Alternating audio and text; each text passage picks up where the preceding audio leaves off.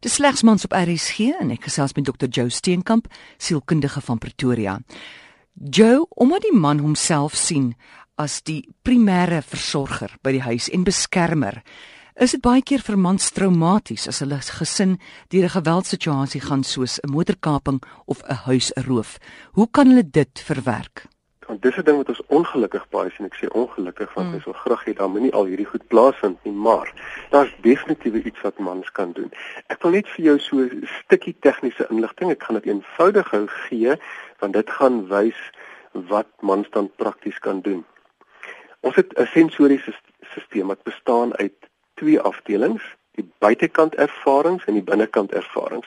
Buitekant ervarings baie bekende goed soos reuk, smaak, sig, gehoor, tas en binnekant sensoriese ervaring sluit in die belewennisse van verskillende interne organe, weet jou jou maag, jou longe, jou hart en so voort.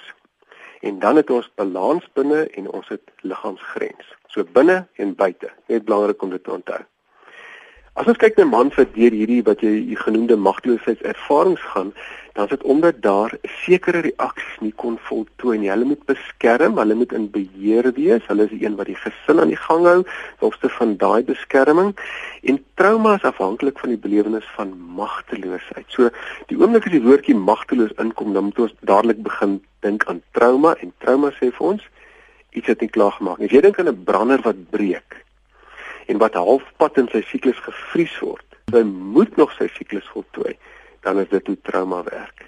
So die inkomende buitekant ervarings wat ons genoem het, wat die eksterne gevaar aankondig, jy weet soos nou hierdie motorkaping hmm. of inbraak by die huis, is veronderstel om op pad te voltooi, né? So van wie die magteloosheid en ek wil daai woord baie beklemtoon, is daar 'n vries van hierdie reaksie en al daai neurologiese oordragstowwe en hormone en goed, die taksies in jou in jou liggaam kon nie die resies klaarmaak nie. Wat oorbly is die na-trauma hipersensitiwiteit. En die manier hoe ons weet van daai trauma hipersensitiwiteit tot die omgewing is terugflitsse wat mense kry en dat daai magteloosheid. Okay, so die vraag is, Amore, wat kan ons doen hieraan? Nou ek wil net bysê dit vat so 'n bietjie deursettingsvermoë, maar indien die persoon kan sien, gaan ek die volgende voorstel. Gaan sit in 'n rustige plek. Maak toe jou oë en dink aan die plek waar die insident plaasgevind het. OK, so dis die eerste. En nou kom die belangrike deel. Ervaar alles wat in jou interne ervaringsresponse gebeur, soos hartklopings, vlak vinnige asemhaling, sweetontladings, hoofpyn, naait en dan ook daai ding wat gesê het van balansversteurings, reaksies soos jy voel jy begin spin of wieg terwyl jy eintlik stil sit. Dit voel of jy deur hierdie distorsies gaan. Liggaamservarings, ek het nou nou gepraat van liggaamsgrense. Jy kan byvoorbeeld goed soos ervaar as jou liggaam blaas op soos 'n ou rosmannetjie. Ja of jou vingers word groter of jy voel jou bene word langer. Dis distorsies want omdat ons goed binne bære wat nie klaar maak nie, versteur so 'n bietjie soos 'n ballon wat jy opblaas, dit verander daai grens en nou ontlaai dit. Jy skep nou die klimaat wat jy weer daai aktivering toelaat daai brander wat nou ontvries daai volgende deel en nou moet hy weer jou soos 'n motor se wiele terug 'n uh, align, terugsporing sit. En dan gaan hy deur hierdie snaakse gevoelens. Jy moet hierdie goed ervaar sonder oordeel. Moenie probeer om beter te voel nie. Dit is so belangrik. Dit is die geheim. So jy kan ook emosionele gevoelens ervaar. Hartseer, kwaad kom baie keer na vore, vrees kom na vore. En wat ek sou voorstel, hmm. bly net hierby sonder oordeel. Jy sit doodstil. Onthou met niks probeer doen met die gevoelens nie. En ek wil dit weer beklemtoon, moenie probeer beter voel nie. Jy weet ek dink hierso aan mense wat soms vir mense sê wat deur sulke ervarings gaan, dan sê hulle jy moet die persoon vergewe en dit ergens in 'n boksie sit en ergens bære. Nou, dit werk nie so op neurologiese vlak nie. Dis nie moontlik om te besluit jy gaan iemand vergewe wat jou trauma besorg het nie. Die gevoelens sal deur hulle unieke voltooiing siklus moet gaan, soos ek nou net verduidelik het. En daarna sal jy self beter begin voel. En net so vind vergifnis plaas soos ons deur heling gaan. Dit is asof dit van self gebeur. So dit geld vir enige persoon wat deur enige trauma is. enige persoon. So dan gaan mens nou deur daai proses waar jy jouself vat en jy ervaar al hierdie fisiese goed. Hoe dikwels moet mens dit doen? Moet jy dit doen tot jy gemaklik is eendag? Ek wil vir jou net hier 'n onderskeid maak.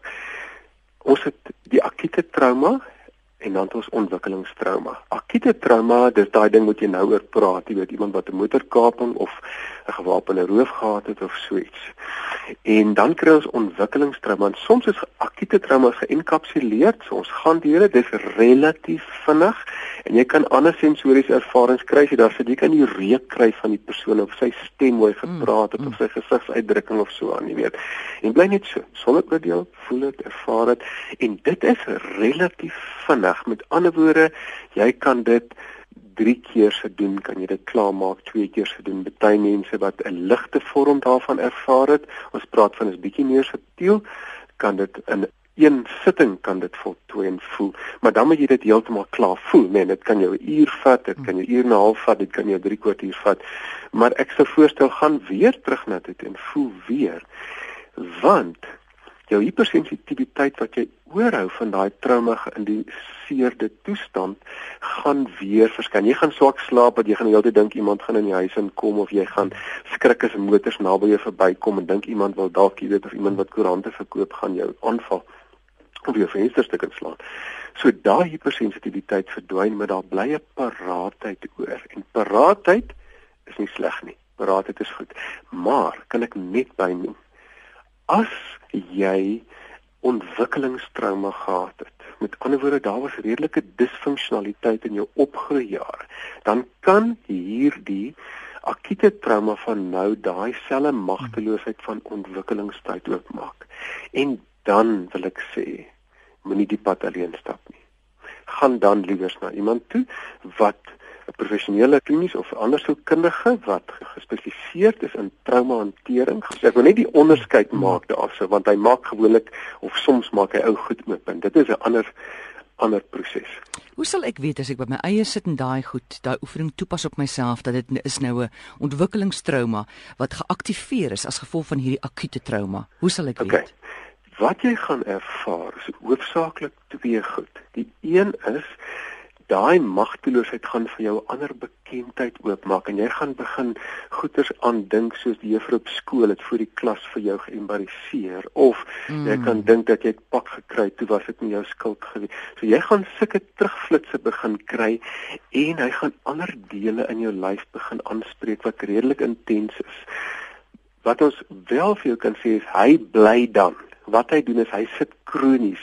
Met ander woorde, jy gaan dit môre en oormôre die dag, jy gaan in 'n geaktiveerde staat bly wat nie gaan weggaan as jy net na hierdie akute goed kyk wat nou gebeur het. Soos baie keer vind mense daar 'n definitiewe emosionele ooreenkoms tussen 'n huidige trauma en 'n vorige pyn. Heeltemal reg. So gesels Dr. Joe Steenkamp en jy kan hom kontak by ship soos 'n skip.org.za.